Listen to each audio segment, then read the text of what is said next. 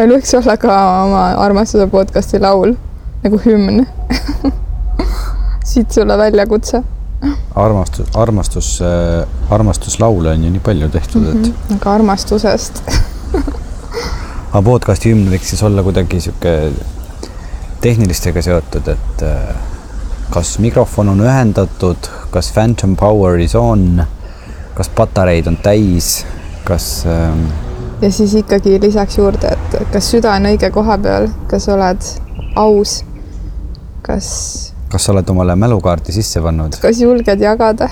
kuhu sa salvestad äh, oma see on nii mees ja naine täiesti pool, pooluste vestlus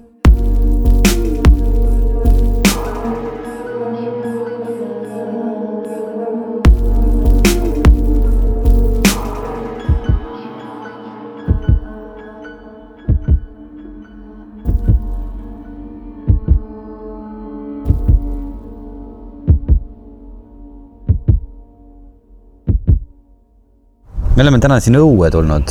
me, mina istun äh, õues ja Elina istub õues ja sellepärast, sellepärast äh, on armas kuulaja sinu kõrvades äh, lisaks lindudele ka tuulekohin ja, ja autode müra.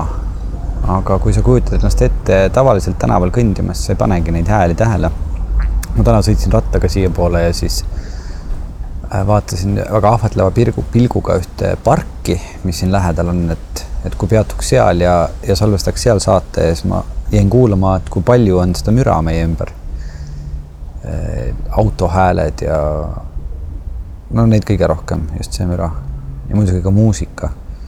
et ja seda võiks üleüldse laiendada filosoofiliselt, et kui palju on müra inimeste ümber. ma väga väheste asjade peale lähen närvi, aga mm, kui tänaval kõnnivad need inimesed, need noored inimesed, kellel on käes kaasaskantav kõlar, kust tuleb nende muusika, siis äh, ma hakkan kohe aktiivselt tegelema sisemise meditsiooniga, et nende peale mitte karjuda või nendele politsei kutsuda, sest mul on tunne, et nad rikuvad kogu minu linnaelamuse ära, aga noh, siis ma peaks kõikide autode peale karjuma ja kõikide muude asjade peale karjuma, nii et ei tasu elus karjuda, aga me oleme õues, Elina on puistanud siia muruseemneid, kas, kas see vastab tõele? ja, ostsin, ostsin äh, poest sellist asja nagu äh, renoveerimissegu renoveerimissegu? ja see on selline muruseeme, mida puistata nendesse kohtadesse, kus muru pole üles tulnud. aa, okei okay.. ja et ma siis puistasin siin eile õhtul. hakkasid muru renoveerima mm? -hmm. jaa ta, Tallinnas on, äh, on inimesi, kellel on sellised suured ja lopsakad aiad, aga me istusime siin, istume nagu siin ühes salajases aias mm, -hmm. kus on nagu natuke nagu nurga taga, et, et tuul ei puhuks sisse ja ei tekiks ähm,, mitte ei tekiks midagi, vaid saaks olla päikse käes lihtsalt, sest et praegu on selline ilm, et päikse käes olla. ma tean, et sa ütlesid, et sa ei taha, mitte ei taha vot see ei oska nagu suurt midagi rääkida, Elina, kes mäletab, äh, oli pikalt tegelikult ära. Või noh, teie ei mäleta, teie jaoks saated tulid ikkagi õigel ajal postkasti, et aga et Elina käis reisil ja ma tahtsin selle vaikuse kohta küsida, et äh, et kas seal, kus sa käisid, kas seal oli vaikne, kas sa panid selle tähele? tegelikult see, kuidas sa, kuidas me tänast äh, kohtumist alustasime siin, juba oligi selline sissesõit sellesse Hiina teemasse, sellepärast et et täpselt see, nagu me täna siin salvestame, et on tuult ja linde ja, ja kuulda, kuidas päike paistab, siis samamoodi on kuulda lennukeid või undavaid autosid või, või ehitus, ehitushääli. et see, see ongi Hiina, aga näe, tuleb välja, et on Tallinn ka nii et äh, Hiina kõige rohkem oskan ma võtta seda kokku nii, et äh, tohutud äärmused ja väga erinevates äh,, erinevates nivoode, nivoodes erinevad äärmused ja, ja see, ja see vaikus oli seal ka täiesti olemas mingitel hetkedel. ja siis selle vaikuse, ma ei tea, vastand või, või teine kallas, tohutu lärmi või, või või helidega samamoodi. reisi, mitte küll reisi, aga ma jõudsin suts varem kohale, et kui me kõik koos selle umbes kolmekümnese kambaga üle maailma, need inimesed, kes, kes kõik on Global Jihadi liikmed ja kõik, kes tulid äh, sellele Hiina reisile, et teiega rohkem äh, tuttavaks saada ja sügavuti minna, siis äh, esimesed kolm ööd me ööbisime sellises äh, luksuslikus, kohe nagu üliluksuslikus, võib-olla täpsem oleks öelda üli-üliluksuslikus Äh, uues kuurortis, mis tegelikult avati äh, nädal aega pärast seda, kui meie sealt ära läksime. ja miks meil oli võimalus sinna minna ööbima meie eelarve juures, oli see, et, et see kuurort või selline siis jah, kuurort kuulus meie teeõpetaja ühele teeõpetaja õpilasele. Et ma ei oskagi täpselt öelda, minu teeõpetaja on Vude, kes on Global Jihadi isa ja, ja Master Chai, kes on äh, Taiwanil üks, äh, üks äh, tuntumaid ja, ja selliseid aktiivsemaid puhta ja orgaanilise tee ja teeistanduste eestvedaja. et siis selle Master Chai õpilased omasid Hiinas sellist kohta, sellist äh, sellist paika, mis on siis äh, orgaanilise teeistanduse orgu ja mägedesse rajatud erinevad väiksed villad, mõned basseinidega, mõned ilma, saame mõned fotod panna sellest. Ja meil õnnestus jah, alustada oma reisi sealt ja kui me sinna kohale jõudsime, me jõudsime õhtul kohale, suhteliselt pimedas, nii et sellised privaatsed golfiautod vedasid meid mägedesse oma majakestesse neljastesse majakestesse. ja kui ma hommikul ärkasin ja kardinad ära võtsin meie väikse villa toa akende eest, siis see, see vaikus, mis sealt vastu vaatas, see oli see, et kui nüüd, kui nüüd hakkaks see film, siis tuleks tiiter. tere tulemast Hiinasse. selline, inglise keeles on see sõna valley, valley, valley selline org, aga mm, -hmm. aga mis nagu kuidagi kasvab mägedeks. ja kõik need oru küljed on siis täis teetaimi. ja, ja ma ärkasin oma jetlagiga kuidagi nii vara, et, et umbes viie paiku ja, ja tegin selle rõdu ukse lahti. astusin vaikselt sinna rõdule ja kuulatasin seda vaikust ja nagu, nagu Fred Jüssigi on öelnud, on ju, et, et, et vaikuses on alati, ei mäleta neid täpselt sõnu, aga, aga täielikku vaikust pole olemas, et seal on alati mingid helid sees.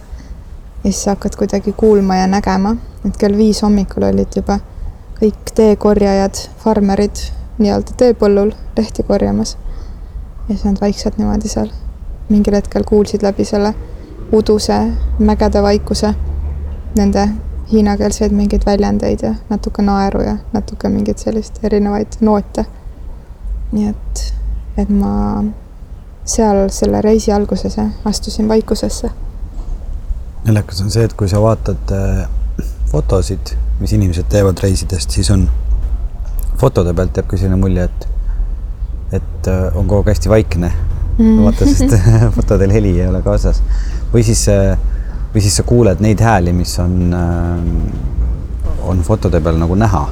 noh, et kui sa näed seal vett, siis sa kuuled mingit vee häält mm. -hmm. kui sa näed seal naeratavaid inimesi, siis kuuled naeratuse häält ja või nagu sina ütlesid, et, et kui meie kuulajad praegu väga pingsalt kuulavad, siis nad võivad siis oma kõrvaklappidest või kõlarist või muust heli tekitajast kuulda seda, kuidas päike paistab mm. -hmm mina võtsin võilille kätte vahepeal. ma just vaatasin, nii ilus. mul on võilill käes ja ma jäin selle peale mõtlema, et, et võilill on nagu üks kõige eestilikumaid lilli minu jaoks tegelikult. noh, selles mõttes me võime küll mõelda, et meie rahvuslill on rukkilill. aga esimene lill, mida, mida lapsed tavaliselt kätte saavad, on ikkagi võilill ju. ta tuleb nii vara ja nii palju ja tundub ka muidugi selline Äh, ebapraktiline lill, sest et ta närtsib hästi kiiresti ära. ma lapsena mäletan seda, et me tegime võilile pärgasid. et siis need olid väga ilusad, aga need pidasid vastu umbes pool tundi, ma arvan, või, noh, tunnikese paar ja siis nad olid täiesti närtsinud. ja teine asi, mis pärast oli see, et siis olid käed olid laigulised. et see võilillepiim, mis siit seest tuleb. jah, see on väga nagu selline. Mis see teeb? ilusalt naiivne, ühekülgne mõtlemine, et.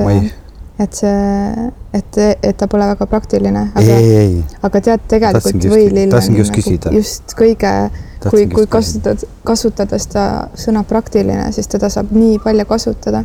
et äh, võilille, võilill on, äh, inimene ütleb äh, tihtipeale, et ta on umbrohi, aga ta on ravim taim, on ju. ta mhm. saab nagu juure tipust õie otsteni kõiki osiseid, kogu ürti kasutada.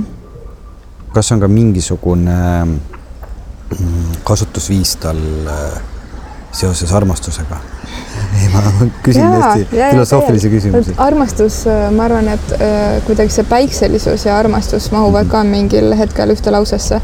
et minu üks lemmik, lemmik maiustusi on võilillemesi mm.. ja temas on selline nagu mingi teatav mõrunoot ja samas selline nagu see kui sa, sa võid isegi võilile selle kollase selle ära süüa. siit pealt praegu mm? -hmm et ma natuke söön. või tõmban natukene ja, et sa tunned nagu sealt seda õietolmu mesisust ja see on ka selles võililemees tunda. võililemesi on selline teevärvi, pruunikas. et äh,. päris hea on. jah ma ise ka just sõin täna siin maja taga ühe võilille ära. Ja siis ma mäletan veel, et pandi seda lõua alla öeldi, et mida kollasem on, seda rohkem oled sa võid söönud mm. -hmm, seda rohkem armastad sa võid, sul on nina ka kollane praegu. on jah mm -hmm., nuusutamisest mm. -hmm. kas, äh, kas sa seal Hiinas nägid ka mingit lilli, mis äh,, muidugi nägid, aga ma mõtlen, või okei okay,, räägi lillidest, räägime taimedest. tegelikult ju läksid sinna taimi, taimeretkele ka või? Mm. -hmm. Läksingi seda ühte taime seda ühte taime otsima? seda ühte taime leidma ja kas sa leidsid selle taime mm? -hmm teetaim on, teetaim on, äh, on Hiinas äh, omal kohal ja no need rajad, kus meie liikusime või liiklesime, on äh, kõik seotud siis puhta teega, orgaanilise, orgaaniliste istandustega ja, ja nii-öelda siis jätkusuutlikkuse, jätkusuutliku käitlemisega ja, ja valmistamisega. et selles mõttes oli mu reis nagu noh, ma teadsin, et, et me, et me nii liigume, mis sest, et ma varem käinud ei olnud. aga ma olen väga tänulik, et mul õnnestus näha nii-öelda sellist Hiinat ja ikkagi kohtuda inimestega, kes hoolivad äh, loodusest, hoolivad sellest, et, et see, mida me enda sisse paneme, lubame, on puhas ja, ja mitte ainult äh, tee kui, inglise keeles on see sõna nagu beverage et mitte, mitte ainult tee kui see, mida me kuidagi kasutame või vaid, vaid ka tee kui, kui medicine, ravim äh,, miski, mis äh,, mis aitab jõuda lähemale iseendale ja, ja kohtuda erinevate munkadega erinevates kloostrites, kes ka teevad kohalikku puhast teed, et äh, et see tee, jah, minu tee, teetaim oli teereisil läbiv, läbiv taim, kellega kohtuda aga väga palju muid taimi nägime ka. ja nii äge on see, et äh, kuidas ikka meel hakkab mõtlema, et oo oh,, et see on sarnane noh, näiteks võilillega või see on sarnane mm -hmm. sellega. et me kohe nagu alati mm, loome selle koduseose. nii et, äh, et see kuidagi need, need õied, kevad ja need õied alati alati mind igal pool, ükskõik kuhu ma reisin, nii tohutult kuidagi kõnetavad või mingi niisugune lopsakus. et, äh, et koju tagasi jõudes ka nähes, et, et kast on oma lehed juba nii suureks lahti kerinud ja siis see teadmine, et kohe tulevad õied, see on nagu midagi, mis. see on mingi nii meeletu emotsioon, mis tekib neid vaadates, et äh, iga kord äh, nüüd juba noh, ma ei tea, kui palju mu teadlik mälu on, aga noh, üks kolmkümmend korda ma olen seda kindlasti teinud mm -hmm. oma kolmekümne viie eluaasta jooksul, et iga kord, kui, kui kevadel äh, sa näed kuskil esimest puud või midagi õitsemas või vahet pole esimest sinilille, siis see, see uskumatu rõõm, mis sind täidab, on nii suur, sest sa oled terve talve olnud kuidagi vangis mõnes mõttes ja oodanud ja oodanud, et millal see, millal see kõik saabuks ja ma olen siin samal ajal, kui sina Hiinas olid, siis äh, mina olen sõitnud Tallinnas ringi rattaga, mitte küll sihitult, aga lihtsalt punktist A punkti B. liigelnud rattaga? kodust tööle, töölt trenni, trennilt koju, trennist koju ja siis ähm, vahel õhtul, kui siin olid väga mingid soojad õhtud ja sõidad rattaga trennist koju, no, no ei raatsi kohe koju sõita. vaatad, siin on puu, siin on puu, tahaks teha nagu niimoodi, et ja iseenesest tuleb see armastuse tunne peale või nagu selline tunne, et et kõik on võimalik.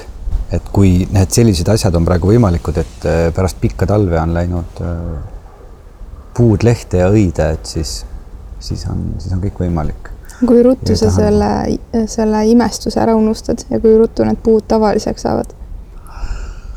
no vaata, ma olen ka natukene selles mõttes võib-olla ei ole nagu, ei ole nagu niisugune klassikaline näide, et äh, ma olengi natukene emotsionaalsem inimene, et äh, minu lemmikõied on, tähendab, see, see ei kao mul ruttu mm -hmm. ühesõnaga. pigem on see, et, et minu lemmikõied on äh, tegelikult sireliõied. ma arvan, et me oleme sellest rääkinud aga ma isegi tean Tallinnas seda, et kus on hilised sirelid ja kus on varajased sirelid.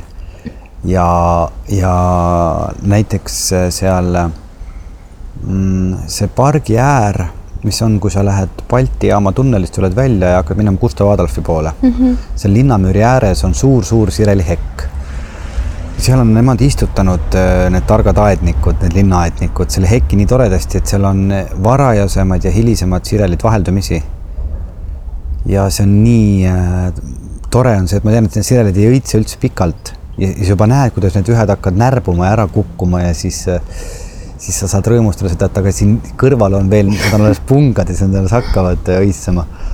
ja üks eriti äge sirelipuu on veel marsruudil, kui sa hakkad merepuiesteelt minema Kalamaja poole, siis kuskil seal natukene paksu margaretat seal kahe autosõidutee vahel rohelisel ribal on ka üks ilus hiline tumeroosa sirel mis veel äh, vastu kajab äh, üsna hilistel aegadel.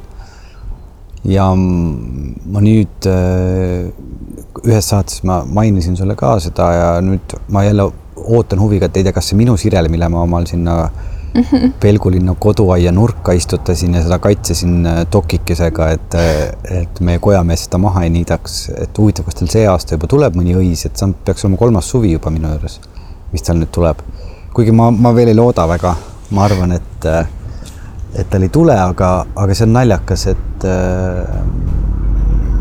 et sa võtad ühte taime kui osa oma päevast või no ma ei taha ta nüüd koduloomaks nimetada, aga nagu mõnes mõttes, selles mõttes käitud temaga, käitud temaga samamoodi, et sa oled ta, ma tõin ta vanaisa juurest maalt, see on niisugune vana eestiaegne sirel. ja topeltöitega lilla sirel. ja seal nurgas siis iga päev, kui ma sealt toa uksest välja vaatan, siis mõtlen, et ei tea, kuidas tal täna läheb, mis tuleb, siis ma käin vahel teda lähemalt vaatamas ja kaugemalt ja ma vaatasin, et oh, vahepeal nii külm, ma sain ka lehed ei ole pruuniks läinud.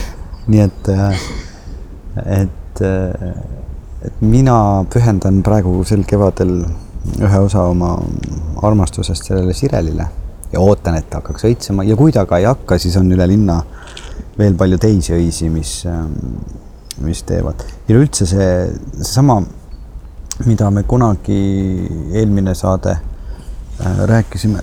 kallan teed sulle. kalla teed, jah.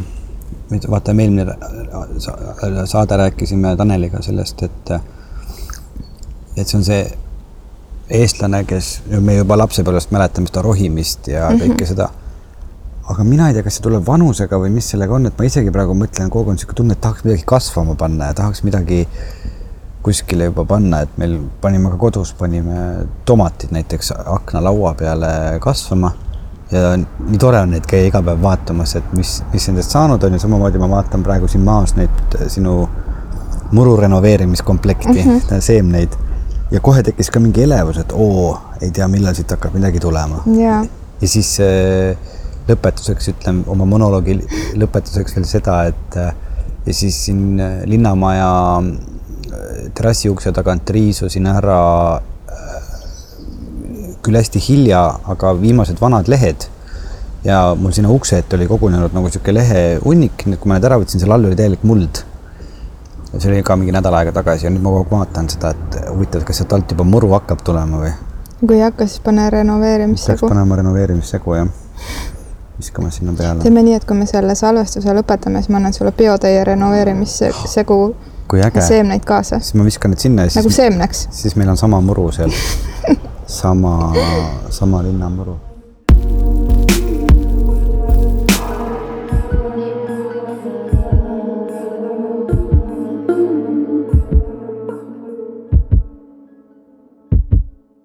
siin, siin maja taga selle sooja kivimüüri ääres istudes on ikka väga kuumaks läheb lausa. nii mõnus. mõnus nagu ei olekski üldse Eestis. sellised sala, salaaiad on mu lemmikud aiad.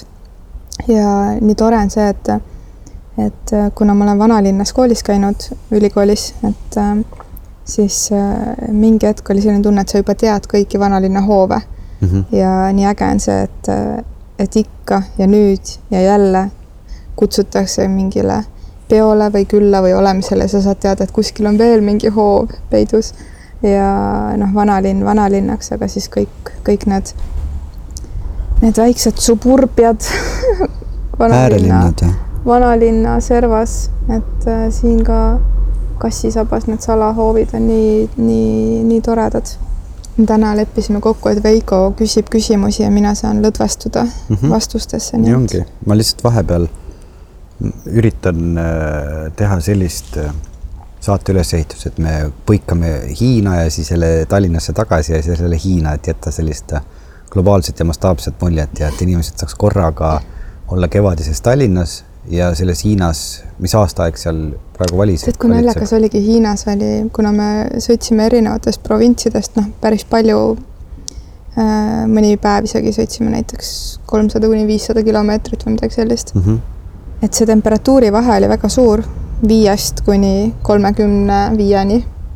sul olid siis paksud riided ka kaasas? mul olid mingid jah, nagu ikka reisil peavad olema siuksed nagu kihid mm, -hmm. et äh, olid kihid kaasas ja, ja, ja seal, kus oli see kolmkümmend kraadi ka, siis äh, nad, nad ei ütle ka selle kohta, on äh, suvi on ju et see on neil nagu kevad.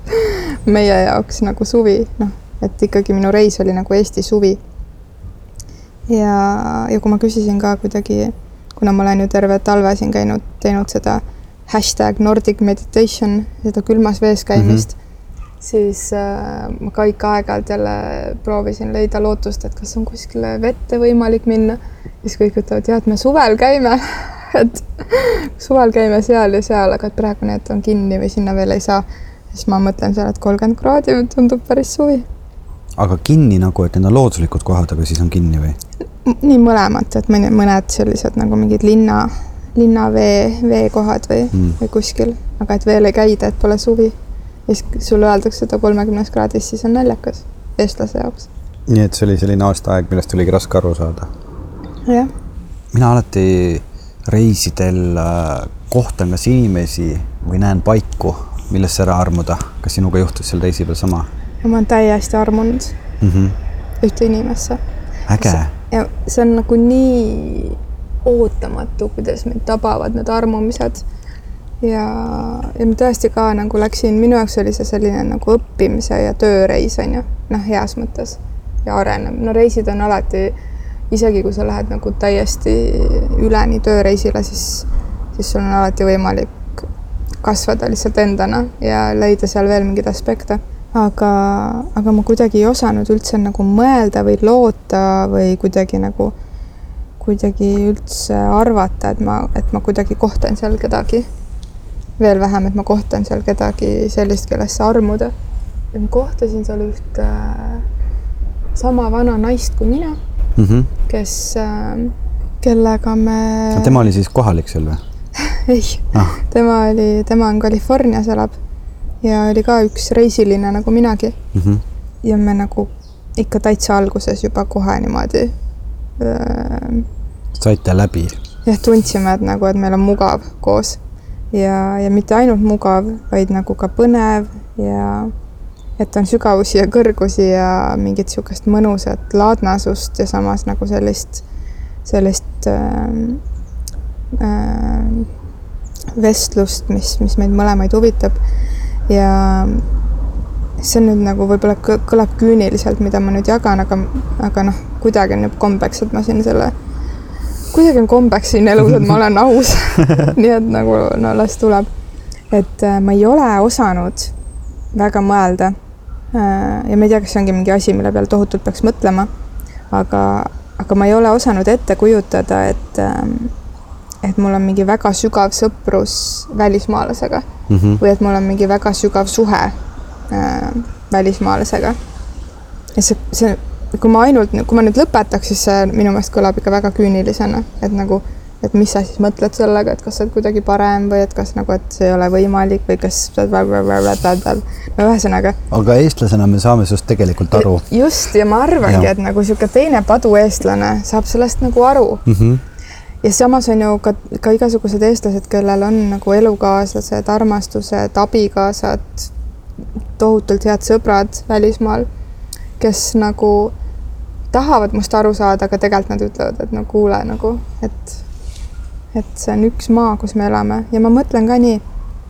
aga, aga alati on nagu mingi selline koht, kus nagu mm, võib-olla ma olen, mind on lihtsalt õnnistatud väga ägedate lähedaste sõpradega siin Eestis, kellega me saame nii paljudel erinevatel tasanditel suheldud mm. -hmm. ja siis mul on tunne, et see kuidagi see Eesti või see koduarmastus või mingisugune või näiteks sõnad ja luule ja kuidagi nagu mingid asjad, mis lähevad tõlkes mõnikord kaduma, et need on nii tugevad, et kuidas saaks olla selline tunne veel kellegagi, ma ei saa Veiko sind tõsiselt võtta, kui sul on nina kollane aga mulle meeldis, et kuule, siis ma mõtlesin, mis ta vaatab mind niimoodi. ma pühin siis samal ajal siin aga see on nagu tore, aga lihtsalt ma ütlen. oota, kas tuli ära või? jaa. okei okay,, hästi. ja, mina et... nii, olen nii rahulik siin. sa olid nagu Leopoldis see, see, kui postikana sai selle mille lapse, see, kes vaata oli seal kollane sihuke. ja mis värk sellega muideks on, ma korraks hüppan nüüd vahele. postikana, eks ole, keda luges peale, okei okay,, ma saan aru, et ta on kana, aga ta luges peale ju see Hendrik Toompere ju, see vanem. nii ja ta oli kogu aeg mehe häälega, mul oli lapsepõlves väga suur segadus. aa, selles mõttes. et mehe häälega rääkiv kana sai äkki lapse. äkki see postiljon oli nagu nii maskuliinne osa temast, et sellepärast. võib-olla. no ühesõnaga vabandust. ühesõnaga ja ja ma tõesti, meil tekkis nii hea klapp, ma võin öelda, võin öelda, kuna ma olen, kuna ma olen sotsiaalmeedias postitanud tema pildi, siis ma võin öelda, et nimi on Eeva ja see oli väga äge tutvus. niimoodi, et äh, korraks teen jälle mõtte katki, aga hüppan sellesse, et, et see välismaalaste teema mm, -hmm. mu inglise keel on nagu täitsa okei okay,, okei okay. mu inglise keel on okei okay., aga, aga ma tunnen tihti hetkedel kus ma olen inglise keelt kõnelevate inimestega ühes seltskonnas, kes on siis nagu nii-öelda native inglise keelt kõnelevad, et ma ei suuda ennast nagu väljendada lõplikult nagu nii tiibilt või, või mm -hmm. nii nagu täpselt, nagu ma tahaks. ja see on kindlasti sellepärast, et mu nagu sõnavara pole ikkagi nagu nii lai inglise keeles ja veel erinevad, erinevad aspektid.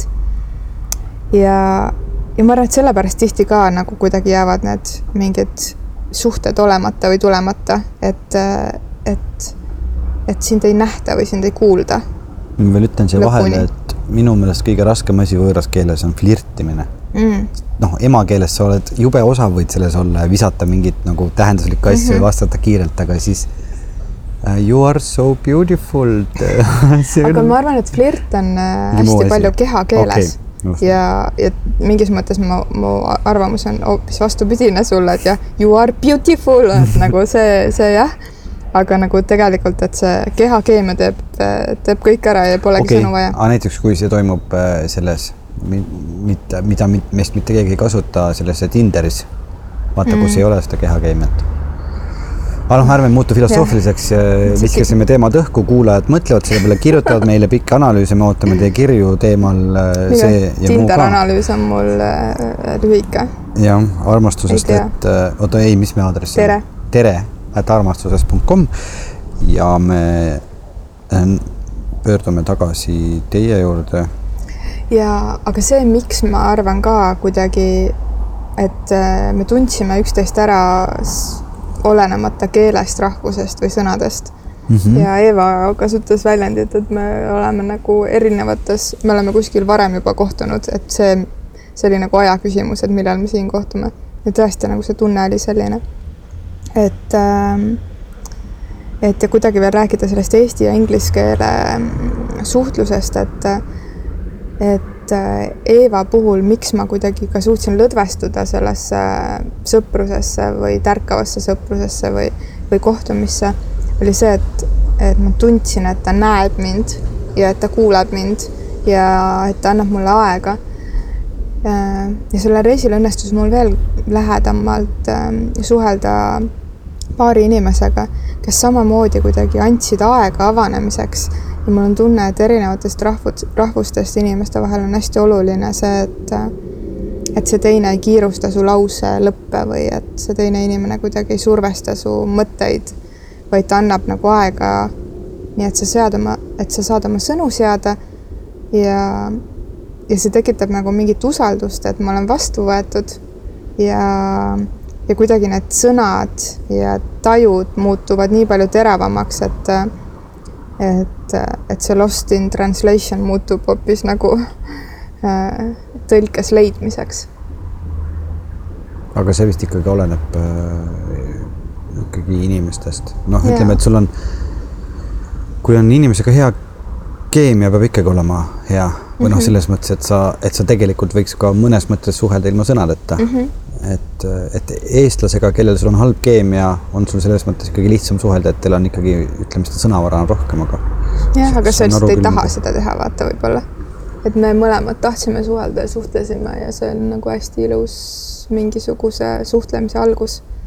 ja miks ma, miks ma üldse räägin sellest ja miks ma räägin Eevast, et ma rääkisin talle ka noh, me rääkisime üksteisele oma tegemistest ja ma mainisin meie meie taskuhäälingut ja, ja me rääkisime sellest USA I love you'st mm. -hmm. ja ma rääkisin, me oleme ka podcast'is seda käsitlenud. et ma proovisin talle selgitada, kuidas ühe eestlase jaoks no ei, mul, mul ei tule isegi selle nagu kümn, me olime Eevaga veel pärast ka koos, et nagu selle kahe nädala jooksul, mis me koos veetsime ma isegi ei saanud talle seal lõpus öelda nagu I love you, sest et nagu ma ei armasta ju teda, onju. Mhm. et jah, et ma nagu nii-öelda armusin sellesse sõprusesse ja mm -hmm. ma mhm. näen, et sa oled nagu nii armastusväärne ja kõik sinus on armastusväärne. aga mul ei tule mitte kuskilt välja see sõna, et nagu I love you või kuidagi. ja me rääkisime sellest, see on nii äge, et ta ja siis ta proovis mulle selgitada, et ta saab täiega aru, mis ma mõtlen ja Eeva minu jaoks oli kõige euroopalikum äh, ameeriklane, keda ma näinud olen, et ta kuidagi väga ja ta kuidagi, temas oli ka mingit sellist eestlaslikku taju või lihtsust või sellist mm. -hmm. et sellepärast oli ka meil ilmselt kerge suhelda ähm,. aga siis ta proovis selgitada, et jaa, aga et kui nad ütlevad nagu oh, I love you, oh you are the best, et nad ütlevad seda hoopis nagu teises tonaalsuses, et see ei, see ei ole nagu seesama, kui sa ütled seda oma partnerile et see tonaalsus või see kergus on nagu mm -hmm. hoopis nagu mingi sihuke, et see ongi see sihuke nagu chit-chat'i selline, siis ma olin nii, jaa, aga need on ju needsamad sõnad. Ühesõnaga, meil oli tore vestlus sellel teemal ja, ja nii äge oli seda päris ameeriklasega arutleda, äh, selle, selle üle arutleda. sellest äh, asjade ütlemisest rääkides ma just analüüsisin ennast samal ajal, kui sina sellest rääkisid ja mõtlesin, et hiljuti oli just niimoodi, et ma eestlasena suutsin ühele inimesele öelda pärast nädalast või kahenädalast äh, tutvust, koosolemist lõpuks, et sa oled tore. see oli nagu kõik, mis ma suutsin äh, kahe nädala jooksul välja öelda. et äh, jah, sellised me eestlased juba kord oleme mis mõnes mõttes on. ja mina, kes ma olen veel selline, kes nagu väljendab ennast. siin kukkus üks sinu, sinu asi. Kuule, aga Veiko, kas sul on ka telefon läheduses? ja mul on telefon läheduses, aga mul on lennukirežiimi peal, tahad pilti okay, endast saada? ei tee pilti, sellest ma räägin veel. ühest asjast, mis minuga reisidel juhtub. ja mm. reisidel Tegin. on selline asi, et ma leian kogu aeg välismaal reisides mängukaarte erinevates kohtades, linnades, mõnikord nagu looduses, sellistes kohtades, kus nagu noh, tundub nagu kuidagi absurdne. Ja see foto, mille ma palusin sul teha, et sellelt reisilt ma leidsin Ärtu emanda kaardi. kui sümboolne. ja ma panin selle endal siia telefoni katte vahele, ma näen seda, sest mul on läbipaistev kate. nii et äh, tõesti kuidagi see kaartide leidmine on juba aastaid-aastaid, ükskõik kus ma käin, kas see on linnareis kuskil Euroopas või natuke kaugemal, siis ma leian mängukaarte. ja ma ei tea, kas keegi kuulajatest ka leiab kaarte, sest et äh, kui ma selle teema üles tõin sel samal oma teereisil, siis mõned inimesed veel ütlesid, et neil on täpselt sama asi, et nagu nemad kodus kuskil ei ole mingeid kaarte, kui nad reisivad, siis leiavad. vot. mina ei leia kaarte, aga mina leian, et see võilil, mida ma nuusutan natuke kakalõhnaga ma alati lapsest saadik mõtlesin, et seal, et võilil on muidu väga ilus, aga ta on niisugune natuke sihuke lehmalõhn või? no ma nuusutan. või noh, mingi selline.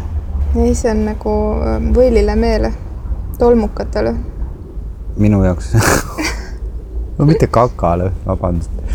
ma loodan, et äh, keegi ei joonud samal ajal mingit. kaka ja kevad. vedelikku ja ei pursanud suust välja ja me rikkusime tema õhtukleidi ära sellega.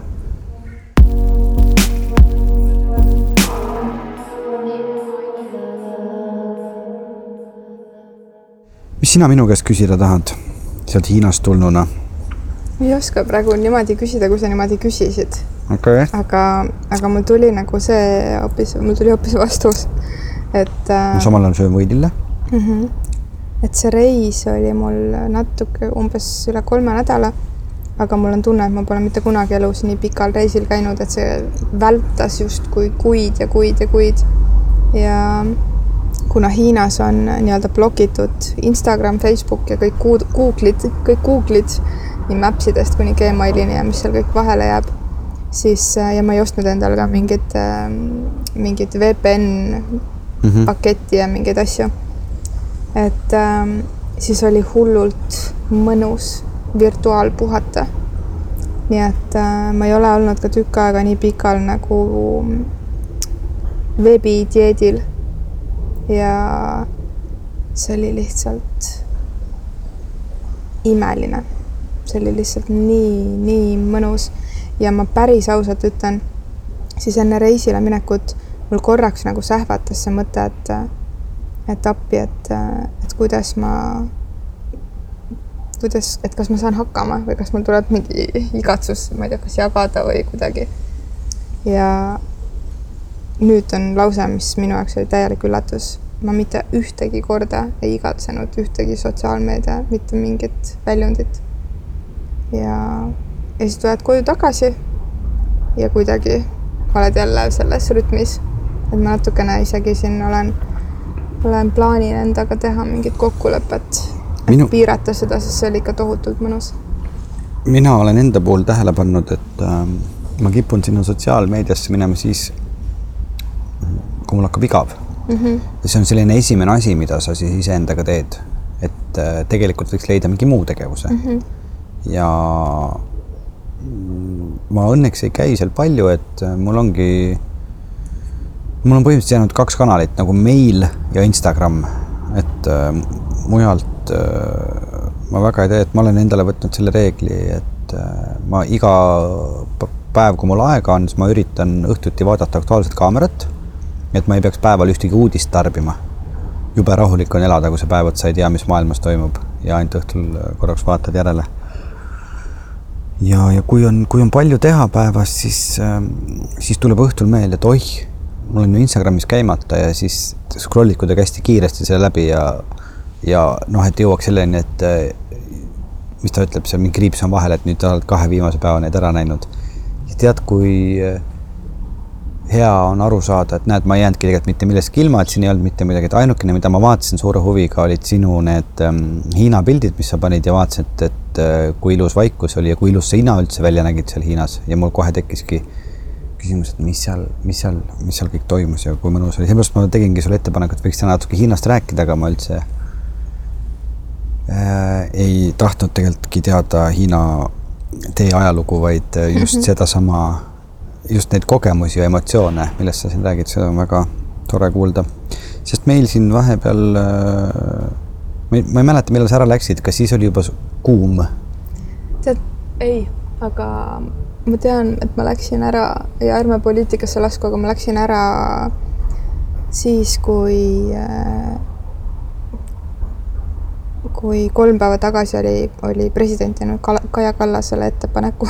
okei okay nii et äh, ma kuidagi soovisin Eestile head ja ütlesin, et, äh, et see lõpptulemus on meie kõrgemaks hüvanguks ja usaldasin ja läksin ja ei kontrollinud enam midagi. ma mõtlesin kuumuse mõttes muidugi ilma. ja ma seda absoluutselt ei mäleta, sest et ma kuidagi nagu mina, kes ma väga poliitikat ei jälgi, jälgisin äh, viimastel kuudel seda kogu aeg ja ma mäletan ainult selle järgi. Mm.. sest et siin vahepeal oli tõesti selline tunne, et äh, no nagu ma teadsin ka, et see võetakse meilt jälle ära, sest meil oli siin vahepeal kuum ja siis oli jälle null kraadi. noh, vahepeal oli siis peaaegu kakskümmend ja siis oli null ja siis on alati see lootus, ma just mõtlesin endale, enda jaoks, et see sarnaneb natukene sellesama tundega, et kui sa oled olnud armunud mõnda aega, olnud soe, sa sõidad õhtuti ringi rattaga tähendab, need on nüüd kaks eri teemat, üks on see õhtuti rattaga ringi sõitmine ja kõik see soojus ja õhk, mis on, äh, võrdub siis nagu sellise armumise tundega. ja siis üks hetk, järgmine hommik on sul null kraadi ilmas, lähed õue, sajab mingit lörtsi, on külm ja sa mõtled, kuhu see kõik kadus, mis meiega tehtud on ja siis. metafoor. ja siis see nagu võrdub armastuse kadumisega tead. kadunud kadumatu mm. -hmm. no ma ütleks äh, lihtsalt kiiresti põikan vahele, et äh, ühe selle Riigikogu sada projekti raames Mari Kalkun oli meil ka seal ja siis ma ütlesin talle, et ma olen nädal aega tema laulu kuulanud, siis ta punastas. äkki ta kumas? või vabandust, jah, see sõna on nii, nii.. sina hakkasid rääkima mul tuli üks selline asi meelde, mida, kui sa, kui sa kuidagi küsida ei oskaks, siis, siis ma ei saakski vastata, nii et ma räägin ühest väga suurest äh, kuidagi märkamisest äh, Hiina reisi juures. hea meelega kuulan. ja see. võime ka, ma võin ka küsida, sa võid mulle küsimuse ette öelda ja see on selline asi, et äh, ma isegi ei tea, miks ma arvasin, et see nii pole. aga äh, ma ei saa öelda, et ma olen tohutult reisinud, aga ma ikkagi olen reisinud, näinud erinevaid rahvusi ja riike ja kultuure. ja tead, Veiko, ma pole mitte kunagi mitte kuskil varem näinud äh, nii armastavaid, hoolivaid äh, lapsevanemaid oma lastega kui Hiinas mm.. ja see oli mingi selline asi, mis, mis mul jäi kohe reisi alguses silma. ja ma, noh, ma ei pööranud sellele alguses tähelepanu, sest võib-olla ma lihtsalt nägin nagu toredat perekonda või kuidagi nagu toredaid inimesi.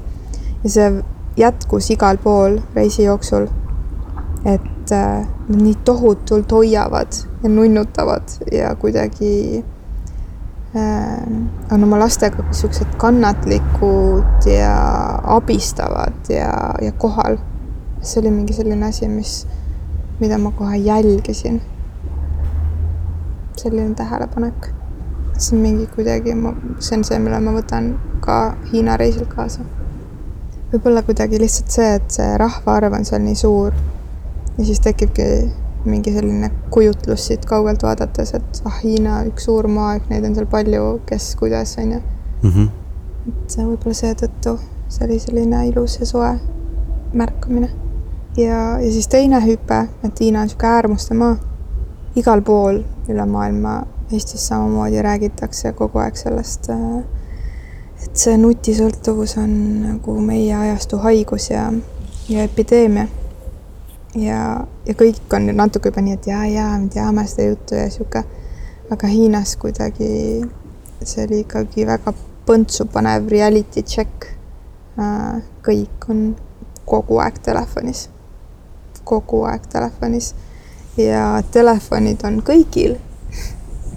Telefonid on äh, väikestes külades kaheksakümne aastastel vanainimestel suuremad telefonid kui minul, kes nagu teevad pilte, scroll ivad, teevad ma ei, ei oska Hiina hindasid kommenteerida, ma ei tea, kuidas nad seda lubada kõik saavad. Neil on vist natuke odavam see tehnika seal ikkagi mm. kui siin, nad toovad ju selle siia ja siis siit, siit tuleb see hind juurde siia. et ähm, kuidagi see oli massiivne, see telefoni see ja kuna mina olin just oma sellel, sellel äh, interneti nii-öelda paastul on ju mm, -hmm. siis võib-olla ma tajusin seda ka kuidagi suuremalt. aga see oli ikkagi nagu äh, kohutav ja, ja võib-olla ka miks ma seda rohkem märkasin, et et pärast, kui meil oli see kümnepäevane reis ära olnud oma, oma, oma teeõdede-vendade grupiga koos, siis äh, mm, kui me Eevaga kahekesi läksime edasi sinna Wuhi mägedesse ja olime lihtsalt kahekesi sellist kaks heledat tüdrukut, et siis me saime ka nagu palju rohkem tähelepanu, et et inimesed nii rongis, kohvikutes, tänaval, poodides, looduses, matkaradadel lihtsalt nii salaja filmisid ja pildistasid meid kui ka nagu nii, et kas me võime või noh, nagu ülevoolavalt, et et me olime, kui, kui me läksime mägesid vaatama, siis need inimesed, kes seal mägesid olid vaatamas, nagu meie olime see vaatamisväärsus nende jaoks. ühel hetkel me kogesime sellist situatsiooni, et üks asi, mida me tahtsime teha, mis on väga turistlik, aga me tõesti tahtsime seda teha ja see oli väga äge, oli see, et Wuhi mägedes saab minna jõe peale bambusparvega mm. -hmm. ja, ja kuna jõgi on ka veetee, siis see on ainuke viis, kuidas näha mägesid ja loodust nii-öelda seda teed mööda mm. -hmm. ja me läksime ühele, pidime pileti ostma ja ühele hommikusele seitse kolmkümmend algavale matkale, kus siis umbes, ma ei tea, kakskümmend, kakskümmend parve läks äh, korraga vee peale niimoodi üksteise järel, siis äh, ja meie olime sellise kuuese parve peal, kus olid neli, neli hiinlast meie taga ja me olime kahekesi siis sellised mittehiinlased. ja ühel hetkel ühe sellise jõekurvi peal kogunesid siis kümme kord, kümmekond parve meie ümber. Äh, ja me just parasjagu mind see meie parve, üks Hiina mees, vanem mees, kutsus sinna parve ette seisma, et temaga koos pilti teha. ja kuna me olime nagu viisakalt kümme korda proovinud ära öelda sellest, siis me saime aru, et nüüd oleks, kuna me tahame nendega jät sõitu jätkata, et oleks viisakas minna selle pildi peale. mis siis ikka, siis ma läksin. ja kuna ma seal parve peal seisin, siis äh, siis jah, kümmekond parve tuli meie ümber, kes siis kõik filmisid ja ja pildistasid meid ja ja nad kasutavad ise sellist äh, mingit translation äppi, et ise räägivad midagi hiina keeles sisse ja siis lasevad sulle onju. Inglise keeles jah? jah, siis tuli sealt you are beautiful, you are beautiful ja igasuguseid asju, et nad, et peavad väga kauniks äh, siukseid heledaid inimesi ja, ja me saime meeletut tähelepanu sellega. nii et äh, kui me alguses proovisime sellele vastu punnida, siis äh, me lasime sellest lahti ja kuidagi jagasime nende rõõmu. vot. nii et äh, me ei teagi praegu, kui mitmetest tuhandetest Instagrami feed ides sa võid sees olla nüüd mm. -hmm, aga mitte see... Instagramis, sest Instagrami Hiinas ah, ei saa kasutada, neil ei ole, neil on, neil on oma Hiina gramm, ma ei mäleta selle nime, me saime teada, mis see nimi on. ja, ja neil ei ole ka Whatsappi, neil on WeChat, mis on WeChat on siis nagu selline suhtlusplatvorm, aga ühtlasi on neil ka WeChat Pay, millega saab maksta ja WeChat nagu sellised, kus on siis sellised veebipesad, et sa saad endale koduka teha ja see on täitsa hullumeelne, mis, mis süsteemid neil seal on kõik oma, oma, oma keskis. nii et äh, ja äh, me tegime ka nalja, et me oleme kõik teavad, kõik hiinlased teavad, et me Hiinas oleme, sest neid pilte ja videosid tehti nii palju.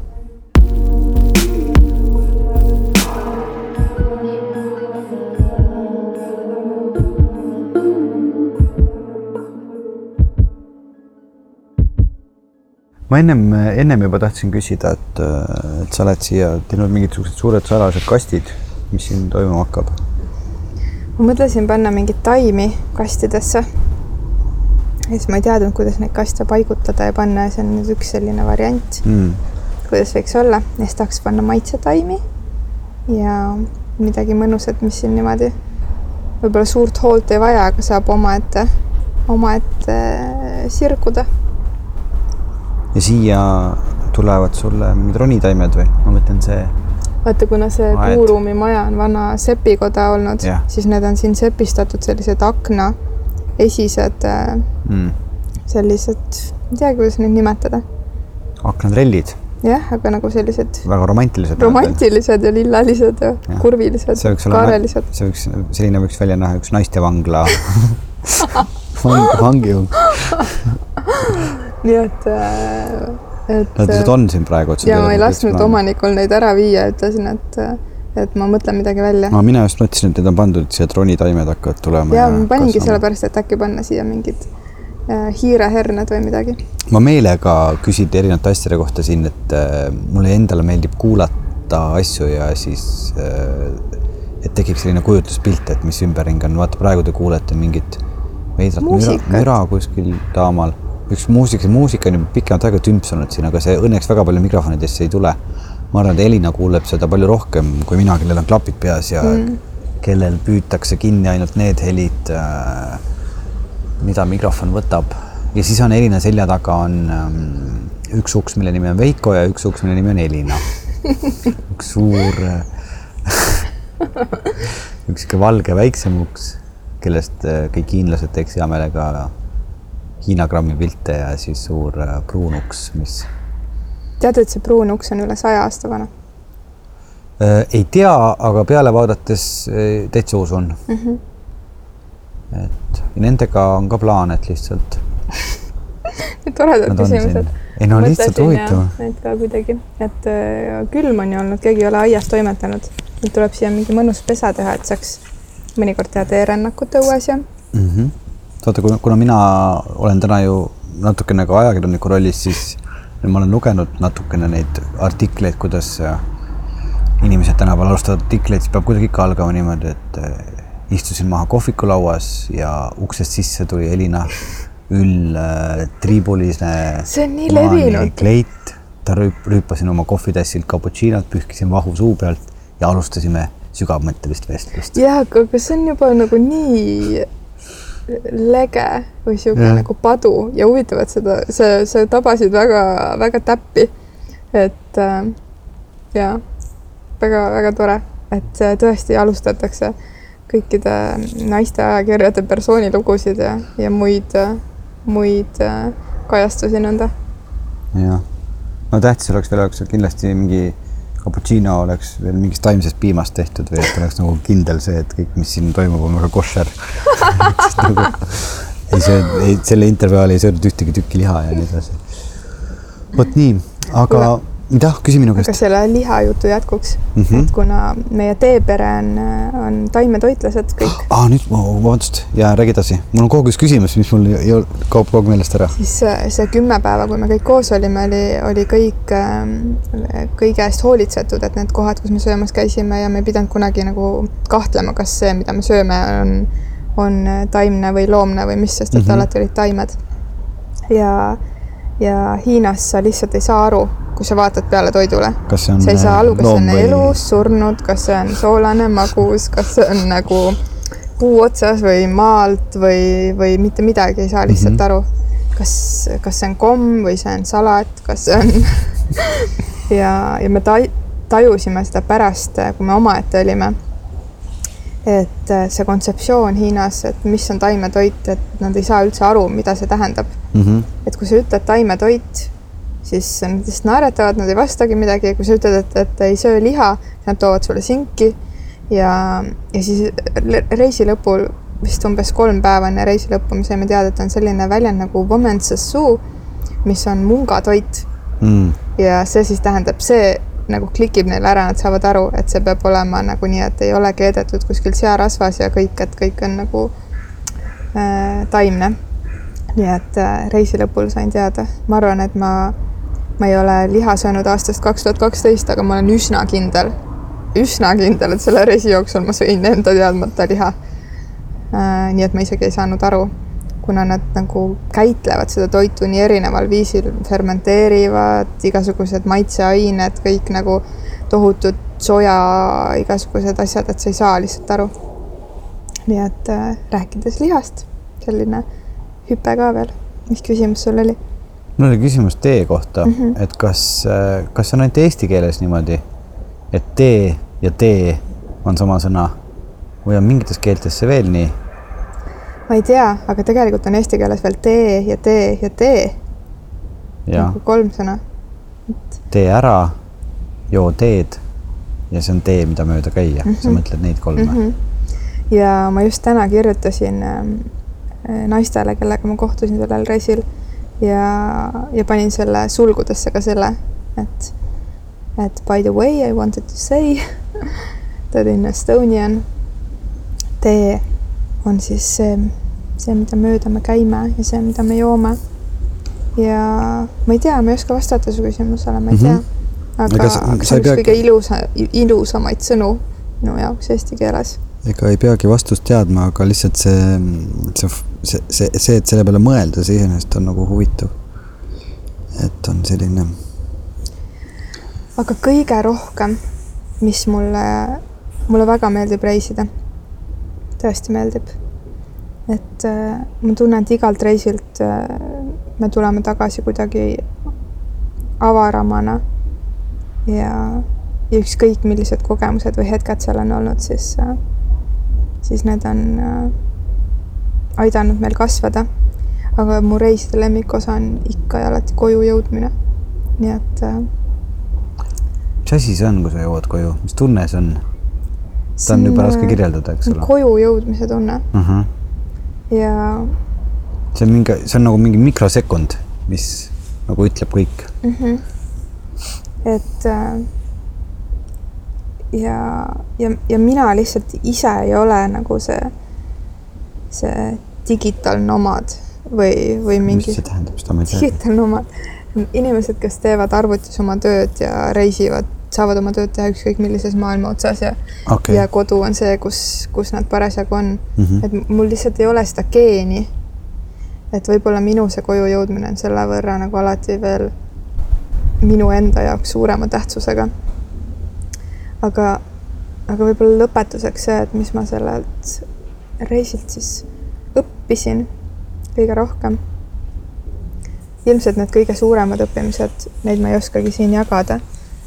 aga see, mida siin öelda, on see, et, äh, et see minu teetee on ikkagi, on ikkagi millegipärast ja ja kuigi ma ei olnud varem Hiinas käinud nii-öelda sealt, kust on väga paljud kuulsad teed pärit, siis, äh, siis huvitaval kombel see tee, mis on minuni siia jõudnud, on jutustanud mulle neid samu lugusid või toonud neid samu taipamisi ja teadmisi, mis seal kinnitust said. nii et, äh, et kui me räägime energiatest või lugudest või nähtamatutest mingisugustest sõnumitest, et, et siis on äh, see enda usaldamine või oma sisetunde usaldamine kuidagi sai nii palju kinnitust. teine asi see, et, et me oleme nii väiksed tolmukübekesed siin mm -hmm. universumis, nii, nii väiksed. aga samas mm, tohutult suure jõuga ja nii tohutult väärtuslikud ja, ja kuidagi iseenda kõrgemad versioonid. et kaks sellist suurt taipamist. kas vastab tõele, et, ähm, et sa tõid meie kuulajatele, kes meid Patreonis toetavad, väikse kingitusega kaasa sealt Hiinast või? kas tegid Hiina päevikuid, kas õnnestus midagi? ma salvestasin, äh, nagu ma lubasin, sain oma, oma sellest lubadusest kinni pidada. salvestasin Patreoni inimestele, kuna ma umbes kolm nädalat seal olin, iga nädal ühe väikse pupukese.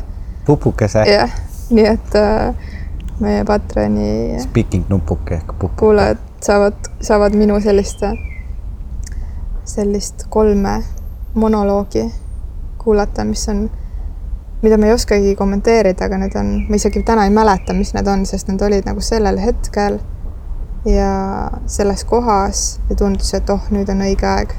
Nii et ja pidasin lubadusest kinni. nii et te saate minna veebilehele patreon.com kaldkriips armastusest ja seal on juba need päevikud üleval. selleks ajaks, kui meil saade eetrisse läheb, nii et seal on ka, ka muid saateid nendele headele inimestele, kes meid toetavad ja ja siia lõppu ma katsetan seda, just äh, saime Patroni toetajate abil ühe uue salvestustehnika endale muretsetud, et ma panen selle siia aianurka ülesse ja saate äkki kuulata, mis hääli see aed teeb ilma meieta. aitäh, et te olete. aitäh, et kuulasite ja ma ütlen hästi madalalt siia mikrofoni lõppu.